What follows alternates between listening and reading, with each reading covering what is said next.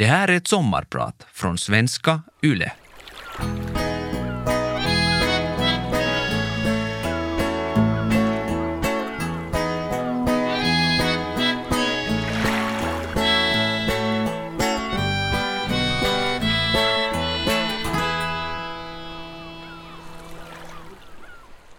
Som komiker får jag ofta frågan, får man skoja om allt 2023? Och vad får man skratta åt? Nu för tiden verkar många vara oroade över att de inte längre får säga någonting. Att allt är förbjudet, att folk har blivit så känsliga att man inte mera kan skämta fritt. Det tycks höra till yttrandefriheten att få skämta om till exempel samer eller homosexuella. Men jag är tveksam. Kanske är det bara frågan om att det nu pratas mera om rasism och sexism än förr. Nu säger folk emot. Förr har de kanske inte vågat. Är det inte jättebra att de säger ifrån nu? I stand-up pratas om att man ska inte punch down utan punch up. Alltså sparka uppåt istället för att sparka neråt. Så länge vi inte har jämställdhet är det dåligt omdöme om till exempel en vit heterosexuell man skojar om homosexuella. Då jag skriver stand-up-material försöker jag alltid ha det klart för mig att vem skrattar man åt? Allt är bra så länge publiken skrattar åt mig eller någon som har mera makt än jag. Man ska inte håna de svaga och diskriminerade. De har redan fått sin del. Min generation har fått lära sig att det finns ord som är olämpliga och att det finns attityder som är kränkande. Humorn och språket har utvecklats massor. Vi skrattar inte ens längre åt samma skämt som vi gjorde på 80-talet. Varför tycker många att den utvecklingen är dålig? Jag förstår att det ibland kan vara svårt att hänga med. Men det är okej att göra misstag. Också jag säger fel ibland. Vi måste bara bli bättre nästa gång. Jag tycker att man kan skoja om allt. Det är bara infallsvinkeln som avgör. Inget ämne är förbjudet. Vi komiker som står med micken i hand, vi har makt. Vi måste förstå kulturella, politiska och andra svängningar i samhället. Vi är narrar i publikens tjänst men vi har möjlighet att säga vad vi tycker och tänker och publiken lyssnar. Därför är humorn ett så starkt verktyg. Det finns ju förstås också humor som inte har ett budskap, sånt vi kallar fjärthumor. Och det är jätteviktigt också. Om all humor skulle ha någon agenda skulle det bli ganska tungt. Mest vill vi ju ändå underhålla. Jag tycker att vi ska välja våra ord så att alla känner sig hemma och inkluderade. Det är roligare om alla skrattar. Och handlar det inte bara om helt vanligt hyfs. Att man tar hänsyn till andra, också till dem som är annorlunda än vi. Mitt namn är Anna Rimpelä. Jag är standup-komiker, skådespelare och författare. Idag ska jag prata om hur jag blev komiker och varifrån jag samlar material. Jag ska också tala om språk och identitet och varför jag känner ett så stort behov av att tala svenska. Och såklart lite om döden och begravningar. Jag föddes i Vasa för 44 år sedan, som en överraskning för mina föräldrar. Min pappa hade nyss tillfrisknat från cancer och mina föräldrar var oroliga för att skaffa fler barn. Men jag ville komma och de tackade ja. Min pappa var jordbrukare och grisfarmare och mamma var sekreterare. Jag är yngst av tre barn. Vårt nya hus i Laihela var nästan inflyttningsklart. De hade förstås inte planerat in ett rum åt mig. Men det löste jag när jag blev lite större genom att inreda ett rum i en garderob. Vem behöver fönster om man har sitt eget rum? Hos oss var det alltid någon hemma, så jag behövde aldrig gå till dagis. Mest lekte jag med grannens pojke. När vi blev hungriga plockade vi lök och morötter direkt från jorden och åt. Jag var nog en illaluktande lökunge. Jag var en underhållare från start. En uttrycksfull och känslig minsting som alltid ville få pappa och mamma skratta. Och det gjorde de. Ingen skällde på mig i barndomen. Förutom en gång då moster spydde i badrummet och jag stod utanför dörren och guidade vänligt att hon inte skulle spy på mattan. Jag tyckte det var en relevant uppmaning. Men pappa blev arg och tyckte att det var onödigt. Jag skämdes och grät i garderoben. Den samma som senare blev mitt rum.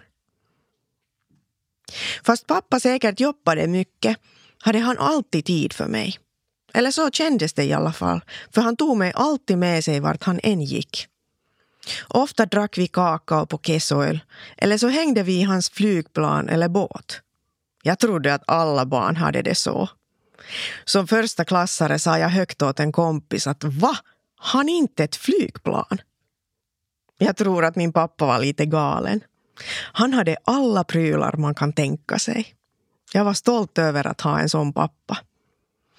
Jag berättar fortfarande heroiska historier om honom och bryr mig inte om ifall de är sanna eller inte. När vi skulle köpa nya byxor åt mig kunde jag vara säker på att jag skulle få lite finare än alla andra. Pappa ville att allt ska vara viimeisen päälle.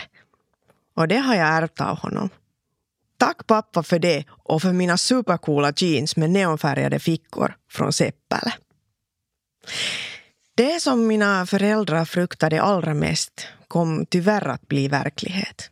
När jag var tio år återkom min pappas cancer för tredje gången. Den här gången hårdare än någonsin. Pappa dog i ett kritiskt skede i mitt liv. Jag var elva år och började närma mig tonåren. På pappas dödsbädd var jag så förvirrad av situationen och allvaret att min mamma var tvungen att säga till mig att krama pappa. Prepubertal som jag var skämdes jag. Tänk att jag skämdes för att krama den viktigaste personen i mitt liv. Trots att jag inte ens visste att pappa faktiskt var döende. Och jag visste inte heller att den där besvärliga påtvingade kramen skulle bli den sista. Den här delen av barndomen är lite suddig. Jag minns mest att båten såldes och att pappas kläder fördes till stugan. På kvällarna bad jag till Fadern i himlen och till min egen. Jag hälsade alltid åt honom att han är välkommen på besök. Jag tror att jag upptäckte humorns frigörande effekt på pappas begravning. Det hade varit en väldigt tung dag. Alla hade gråtit slut på sina tårar och vi var så trötta. Jag började lätta upp stämningen. Jag minns inte längre vad jag sa eller hur jag gjorde, men jag minns att det funkade. Och med det har jag sen fortsatt. Som Laihelabo, uppvuxen i det finska Österbotten, har jag finska som modersmål. Vi använde aldrig ordet finlandssvensk i familjen när jag var barn, även om vi har svenskan i blodet. Min mamma är nämligen finlandssvensk, eller tvåspråkig. Mamma talade alltså svenska och det var så naturligt att vi aldrig pratade om varför det var så. Jag har en stand-up-rutin om hur jag som vuxen mitt i allt vid julbordet förstår att min mamma är finlandssvensk. Att det är därför hon talar svenska. Och det är inte långt från sanningen. Så länge jag har funnits har mammas syskon och min mormor bott i Sverige. Mammas familj flyttade dit på 50-talet efter ett bättre liv. Som många andra finländare som sökte lyckan i väst. Som tur flyttade mamma tillbaka till Finland, annars skulle jag inte sommarprata här. Vi reste till Västerås en gång per år. Mormor var alltid så glad när vi kom och sen jätteledsen då vi åkte. Det var alltid så spännande att resa till Sverige. Det luktade annorlunda i deras hus och mina kusiner hade finare kläder än jag var van vid i Finland. Moster doftade Oil of Olay och mormor var en fin dam som alltid hade färggranna kläder på sig. Jag hörde nyligen att när mormor ännu bodde i Österbotten tyckte folk illa om hennes klädsel. Hon var för mycket. Jag blev glad när jag hörde det. Att mormor vågade skita i vad folk tycker. När vi inte kunde träffas talade vi i telefon. Jag satt ofta bredvid och lyssnade noggrant när mamma och moster pratade. Det kändes som om de hade ett hemligt språk som jag inte förstod. Jag ville så gärna vara med i deras gemenskap. Så jag började härma dem. Säger du det? Är det sant? Och sen min favorit. Ja visst, ja visst. Det kunde man upprepa flera gånger, för det gjorde de också. Att härma har alltid varit mitt sätt att lära mig svenska och språk överlag. Ibland tror jag att jag kan svenska mycket bättre än jag i själva verket gör. Jag lyssnade nyligen på en ljudbok och i romanen fanns en märklig karaktär som hette Edvin. Jag fick inte riktigt grepp om honom. Han bara låg på golvet och sa aldrig någonting. I slutet av boken förstod jag att Edvin var en hund. Det var därför han aldrig pratade. Svenskarna har alltid varit så nära, så bekant. Lite som en dialekt av finskan. Därför känns det naturligt att prata, leva och jobba på svenska. De flesta känner mig som standup-komiker. Men vägen dit gick via teater. Efter att jag blev klar från skolan var mitt mål att skaffa skådespelarjobb till 100 procent. Det lyckades ganska bra. Jag gästspelade på olika teatrar, gjorde tv-reklamer och sen nappade jag en roll i Yles Kotikatu-serie som för övrigt var en av mina roligaste arbetsplatser. Efter det har jag skådespelat i flera olika komedi och dramaserier. Just nu i Salatut elämät. Standupen kom in i mitt liv under en period då jag inte hade tillräckligt med jobb. Jag har alltid varit en som vill att andra ska skratta och helst åt mig. Så standup kändes som ett naturligt nästa steg. Jag gick en kurs och efteråt var det dags att kliva upp på scenen. Så spänd och nervös har jag aldrig varit. Nu kunde jag inte gömma mig bakom en roll eller i scenkläder. Nu var det bara jag som skulle få folk att skratta. Men det första gigget gick superbra. Alla skrattade och jag blev sugen på att fortsätta. Och det gjorde jag. Eftersom kvinnorna lyste med sin frånvaro kände jag mig genast välkommen i standup-kretsarna. Men samtidigt var det oh, så mycket mansplaining. Om hur man ska vara på scen och hurdant material ska man ha och till och med hur man får se ut. Det var väldigt frustrerande.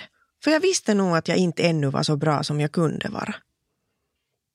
Det mest frustrerande med stand-up är att man bara kan träna inför en levande publik. Det går liksom inte att stå hemma framför spegeln och öva eftersom reaktionerna från publiken visar om mitt skämt är bra eller inte. Jag bjöd aldrig med någon kompis till grupperna. Jag ville inte att de skulle se mig ofärdig. Den fasen tog mig ungefär fem, sex år och hundratals gigs på små okända ställen. Först sen började jag få riktiga och betalda keikkor på kända klubbar och jag vågade äntligen bjuda in bekanta. Det finns många likheter mellan teater och stand-up. Stand-up är också ögonblickets konstform, precis som teater. Allt händer just nu, med den här publiken i det här rummet. Allt påverkar allting. Och omständigheterna är ju inte alltid på komikens sida. Det kan hända att folk i publiken är för fulla eller att det är för ljust i salen. Att folk sitter för långt borta från scenen eller att någon i publiken kommenterar allt i showen hela tiden. Då blir det svårt att styra vart det bär. Men oberoende är det ju komikern som får domen. Blev det bra eller blev det misslyckat? Jag tror inte att publiken alltid förstår hur stor roll den har. Den kan lätt förstöra, men den kan också lyfta. Ju mer publiken lever med, desto bättre blir komiker. Skrattet ger rytm till materialet och ifall publiken är väldigt med och öppen vågar komikern improvisera nytt material. Av en tyst och inåtvänd publik är det svårare att få impulser. Men att leva med betyder inte att man ska ropa åt den som uppträder. Komikern har sin egen komiska rytm som en häcklare lätt kan förstöra. Skådespelaren Sela Sella har sagt att eh, publiken får den show den förtjänar. Det håller jag med om. Du som åskådare är viktig. Också du har makt. Jag heter Anna Rimpelä och jag är din sommarpratare idag. När jag började med stand-up blev skrivande en allt större del av mitt liv. Att skriva skämt var en ny grej för mig och jag ville lära mig mer. Men snart kändes skämtformen begränsande. Jag ville skriva längre texter och därför anmälde jag mig till en skrivkurs. Jag märkte att jag alltid återkom till samma karaktär, kurs efter kurs. Det är en äldre, ganska speciell dam som ofta hamnar i konstiga situationer och som alltid har väldigt mycket åsikter. Aino Ritari. Henne har jag nu skrivit tre böcker om. Idén till Aino fick jag redan för 20 år sedan.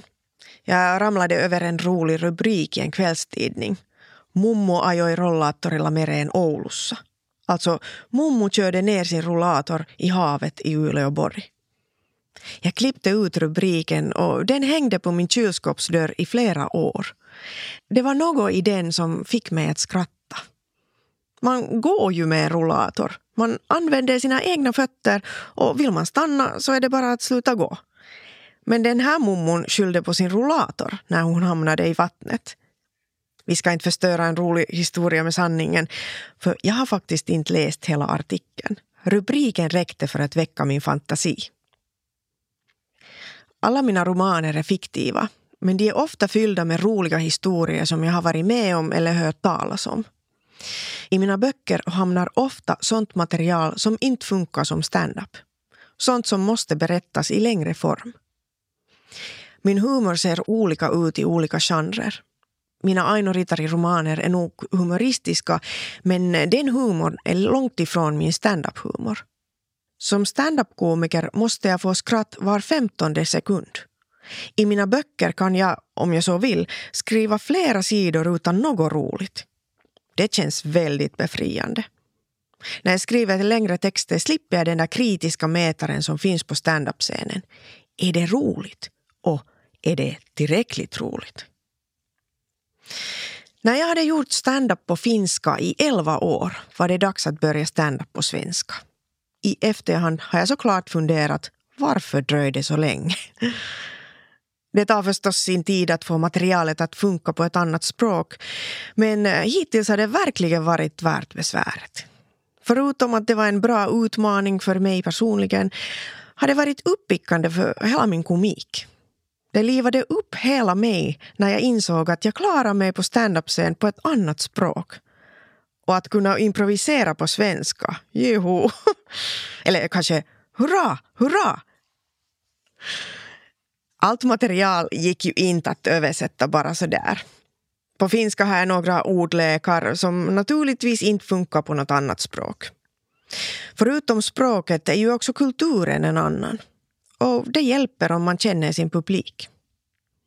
Som en som är nästan finlandssvensk, men inte helt, har jag haft fördelen att lära känna finlandssvensk kultur nära, men ändå utifrån. Jag vet ungefär vad ni snackar om just nu och vad som är aktuellt i svensk Finland, men jag känner mig inte som en av er. Den svaga kedjan av finlandssvenskhet bröts då vi flyttade från Vasa till helfinska Laihela. Fast det fysiska avståndet bara är 20 kilometer.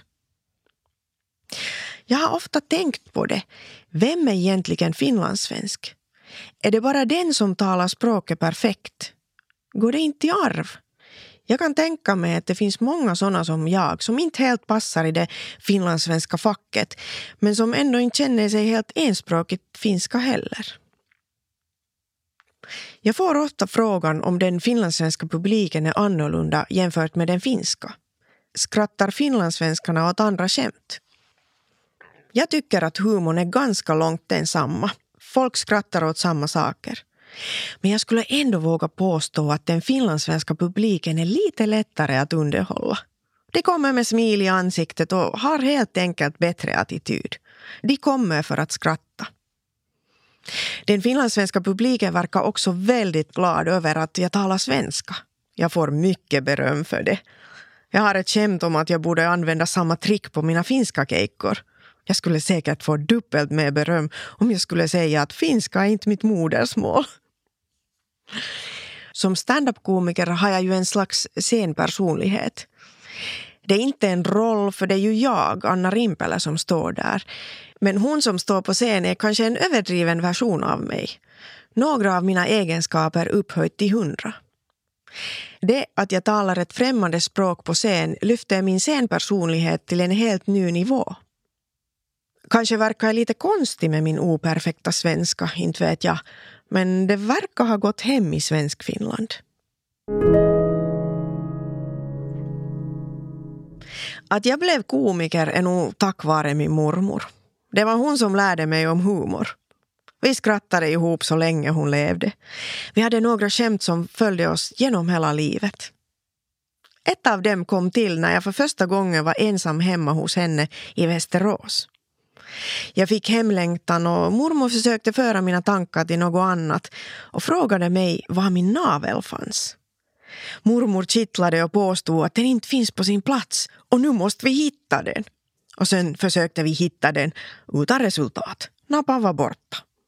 Och sen den dagen pratade vi alltid om den. Varje gång vi talade i telefon, skrev brev eller träffades funderade hon om jag hade kanske hittat min nappa. Ända tills hon dog och jag var 29 år gammal. Kanske tog hon med sig den i graven. Jag tror att humor håller ihop människor som lim. Mormor och jag hade en gemensam talstil och många inside-skämt som absolut inte var roliga för någon annan. Men det var vår grej och något som vi kunde alltid luta oss tillbaka på. En gång då mormors pojkvän skulle komma på besök fick mormor en idé om att jag skulle klä ut mig till en gammal tant och gå ut i trapphuset. Där stod jag sen med mormors peruk och kläder på mig och spelade en gamling som gått vilse. När mormors Johan kom frågade jag honom med knarrig röst Var bor Lind? Och han guidade mig till den rätta dörren. Den känslan glömmer jag aldrig när jag klädde av mig peruken. Vilken seger för nioåriga mig. Jag lurade honom. Vi människor uppskattar ofta ett sinne för humor och letar efter humoristiska partners. Men det är lite som att söka efter en människa med förmågan att andas. Alla har sin egen humor, men att hitta en person vars humor matchar din är guld värt. Inget är så fint som att få skratta tillsammans. Humor är kemi. Humor kan också vara en självbevarelsedrift. Vi känner alla någon som alltid försöker lätta upp stämningen i allvarliga situationer. Och ibland alldeles för tidigt. Och då blir det ofta smaklöst. Jag tror att de kanske inte står ut med allvaret eller känslorna som växer av situationen. Den typen av humor kan såra. Humor kräver alltid omdöme. Sen igen kan humor i rätt läge vara helande och befriande. Dagen efter att Ryssland attackerade Ukraina hade jag en keikka i Tammerfors. Vi var tre komiker som alla var ganska bekymrade över hur vi skulle kunna gå ut på scen och berätta enkla onödiga skämt om våra liv när världen utanför stod i brand. Allt kändes bara så oviktigt. Innan vi skulle börja gick kvällens konferencier ut på scen och sa att vi nu befinner oss i en väldigt konstig situation. Vi vet alla vad som pågår. Men nu har vi två timmar på oss. Låt oss glömma det hemska för en stund. Nu ska vi skratta tillsammans. Därmed var ett kontrakt med publiken undertecknat. Någon hade sagt högt det vi alla tänkte.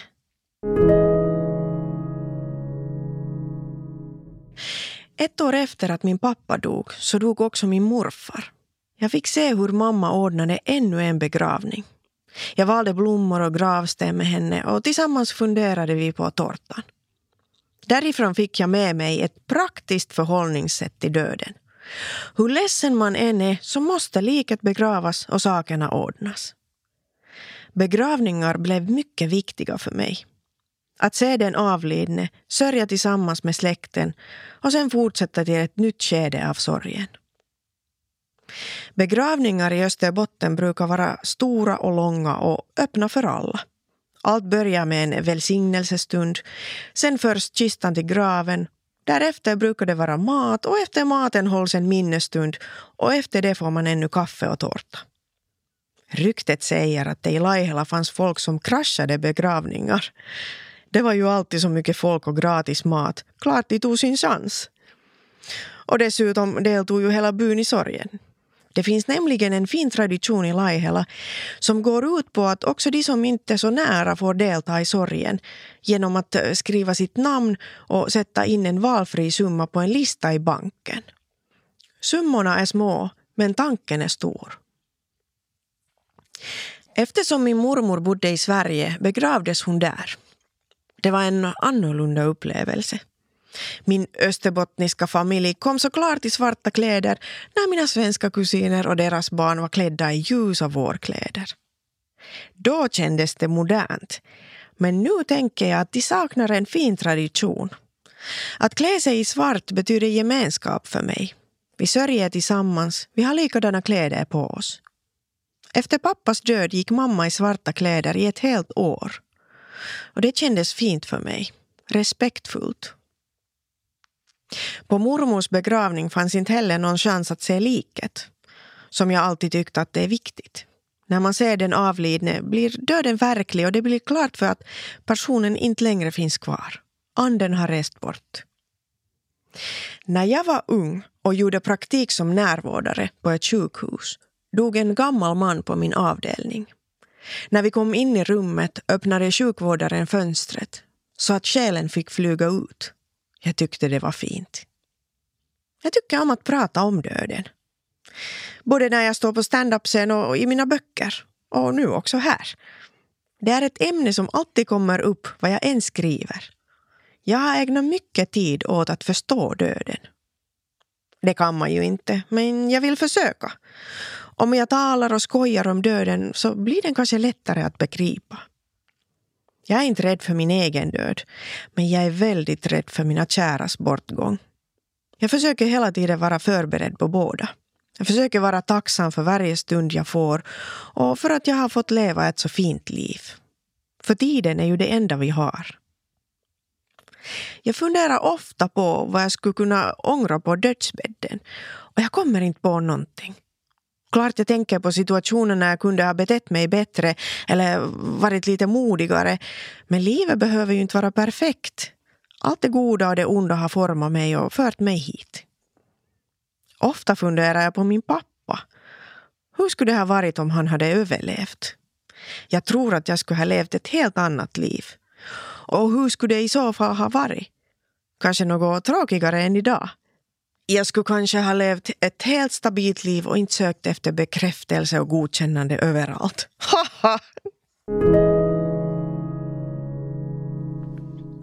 Som komiker samlar man hela tiden på situationer och erfarenheter att skoja om. Jag har till exempel mycket material från Laihela och hur annorlunda det är att bo i Helsingfors. Att hur jag hela tiden hamnar i konstiga situationer. De är ju förstås överdrivna men kärnan i alla mina skämt brukar vara sann. Skammen är också en riktig källa till humor. Det bästa är om man kan vända skammen till humor. Då har det varit värt den hemska känslan. Till exempel då när jag en gång köade till min egen keikka. Det fanns ingen bakdörr till klubben och jag ville absolut inte göra något nummer av mig själv och tränga mig före i kön. Så pinsamt att vara så där blyg. Men yes, jag fick material till följande keikkor. Eller så kan jag skämta om hur jag ibland har så stort behov att behaga. Det kom fram igen då jag var hos en riktigt dålig massör. Under hela massagen funderade jag bara hur jag skulle betala snabbt och aldrig komma tillbaka. Men efter massagen, jag var inte tillräckligt snabb och till min otur hann han säga att jag måste nog komma igen och att han kan sälja seriekort. Jag kom hem med fyra gånger seriekort. Eller som den gången då jag oavsiktligt fes på scen. På min standupkurs hade jag lärt mig att allt som händer på standup-scen ska sägas högt. Så jag gjorde det. Mitt i en mening sa jag att hups, jag tror jag fes lite. Och alla skrattade så.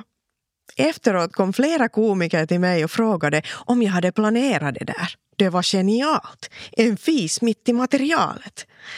Men tyvärr, nej. Jag hade inte skrivit det eller planerat en fis mitt i mitt sätt. Eller när jag en gång gick på förlagets årliga fest. En manlig författare som jag ännu inte kände så bra kom emot mig. Han verkade vara en ganska försiktig och ordentlig typ. Han frågade mig om det var okej att kramas. Halataanko?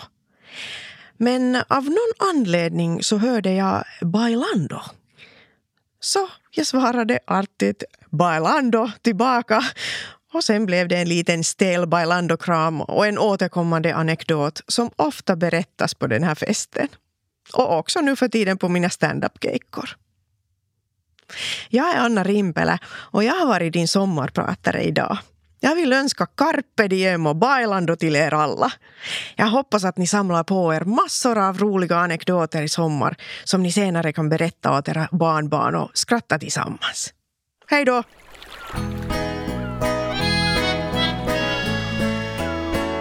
Du har lyssnat på Vegas sommarpratare med Anna Rimpelä, redaktör Linn Ljung. Vegas sommarpratare görs av Parad Media för Svenska Yle.